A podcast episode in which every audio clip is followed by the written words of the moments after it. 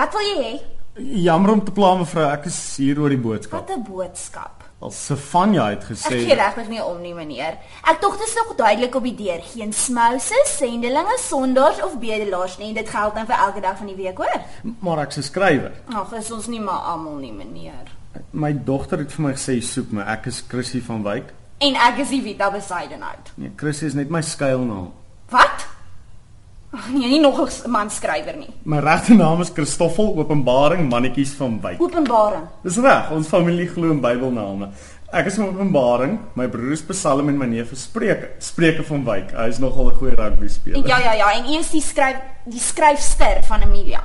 Ek dink so. Is hy die skryfster of is hy nie die skryfster nie? Ja ja ja, ek is. Dis die eerste keer dat ek 'n boek skryf, al probeer skryf. En jy is 'n man. Ja, Is jy seker? Dit was 'n uittreksel uit die toneelstuk Wie hyg so. Ek is by een van die repetisies en ek gaan nou gesels met die akteurs. Hallo julle. Hallo. Kom ons begin gou-gou by die twee wat ons nou gehoor het. Wie's jy? Ek Herman Forster, ek speel die rol van Christoffel Openbaring Mannetjies van Wyk. Is 'n groot naam. Nee, ek weet. En jy?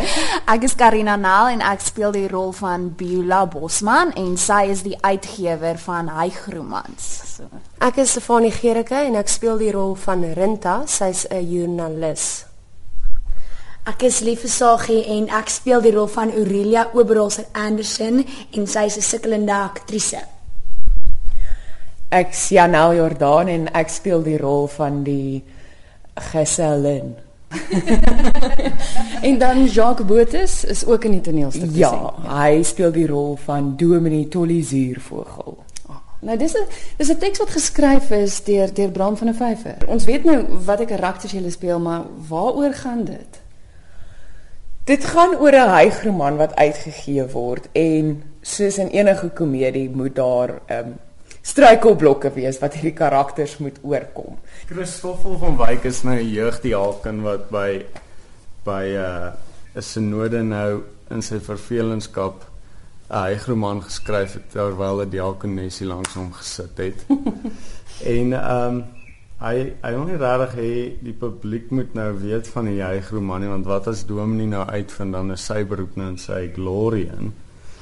En ehm um, Beulah se probleem is nou dat manskrywers in die hygroman sukkel om hulle boeke te publiseer. So dis kom ons op met 'n baie snaakse ek wil nou nie alles weggee nie, oplossing tot die probleem.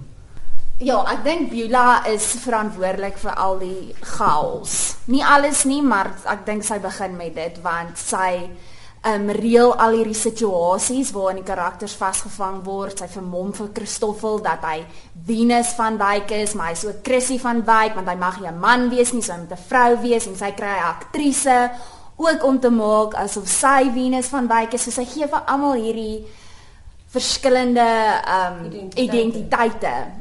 En dit is waar alles de mekaar raak want niemand weet naderhand meer waar pas hulle in, wie is hulle, wie's wie.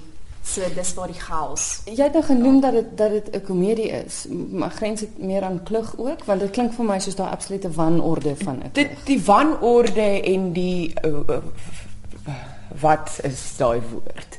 Ehm um, Gebeurtenisse Nee, of hoe nee, dinge dit gebeur is- in die plei kan grens na klug. dit doen, maar 'n klug het baie entrance en exits wat deel maak van die komedie, van die karakters wat hierdie nie het nie. Goed.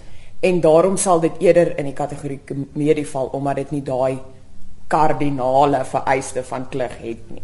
Jy leef nie so baie in en uit te hardloop nie. Gelukkig.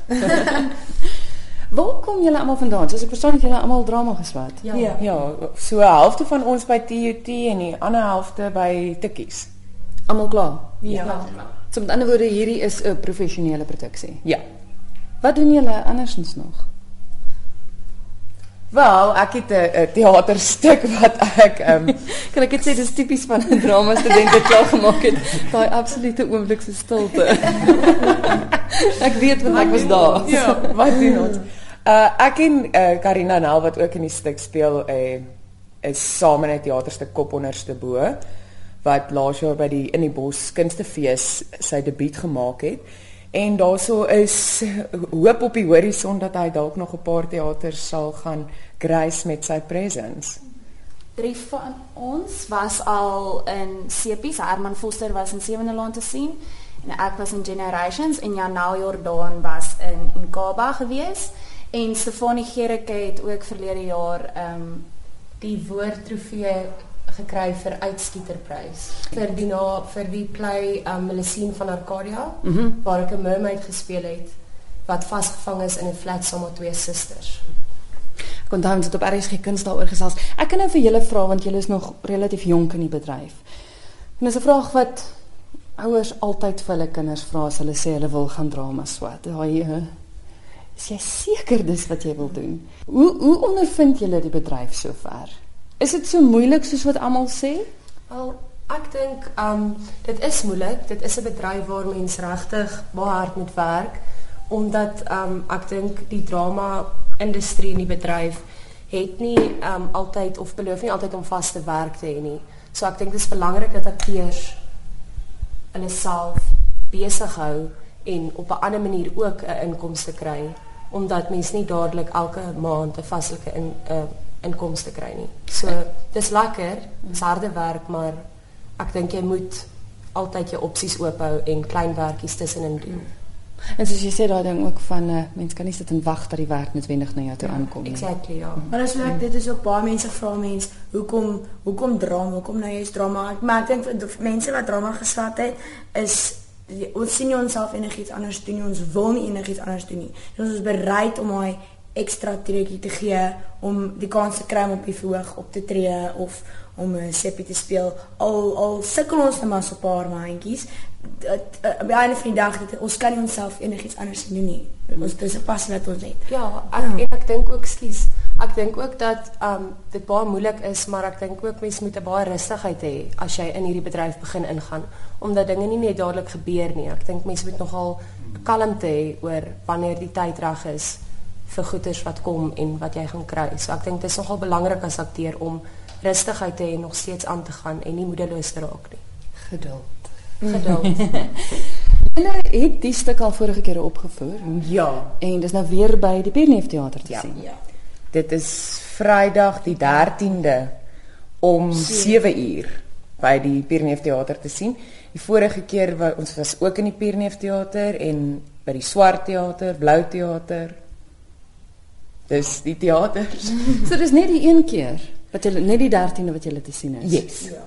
Was dit ongelooflik moeilik nie? Is elke keer net so een, twee opvoerings en dan om weer ek meen ons sit nou hier is 'n Saterdagoggend en jy is hier om te repeteer. Maak maak dit nie moeilik nie. Definitief, maar een van die doele hoekom ons die motiewe agter hierdie een vertoning is juis om te sien of ons nie iemand kan kry om uh, te invest in die produksie nie sodat ons bietjie kan toer want dit gaan oor geld. Ja. ons moet eet. Hier moet betaal word en dan moet geëet word. Ja. Wel julle baie dankie vir die gesels en uh, ja, geniet die dag se repetisies. Baie dankie. Baie dankie Christel.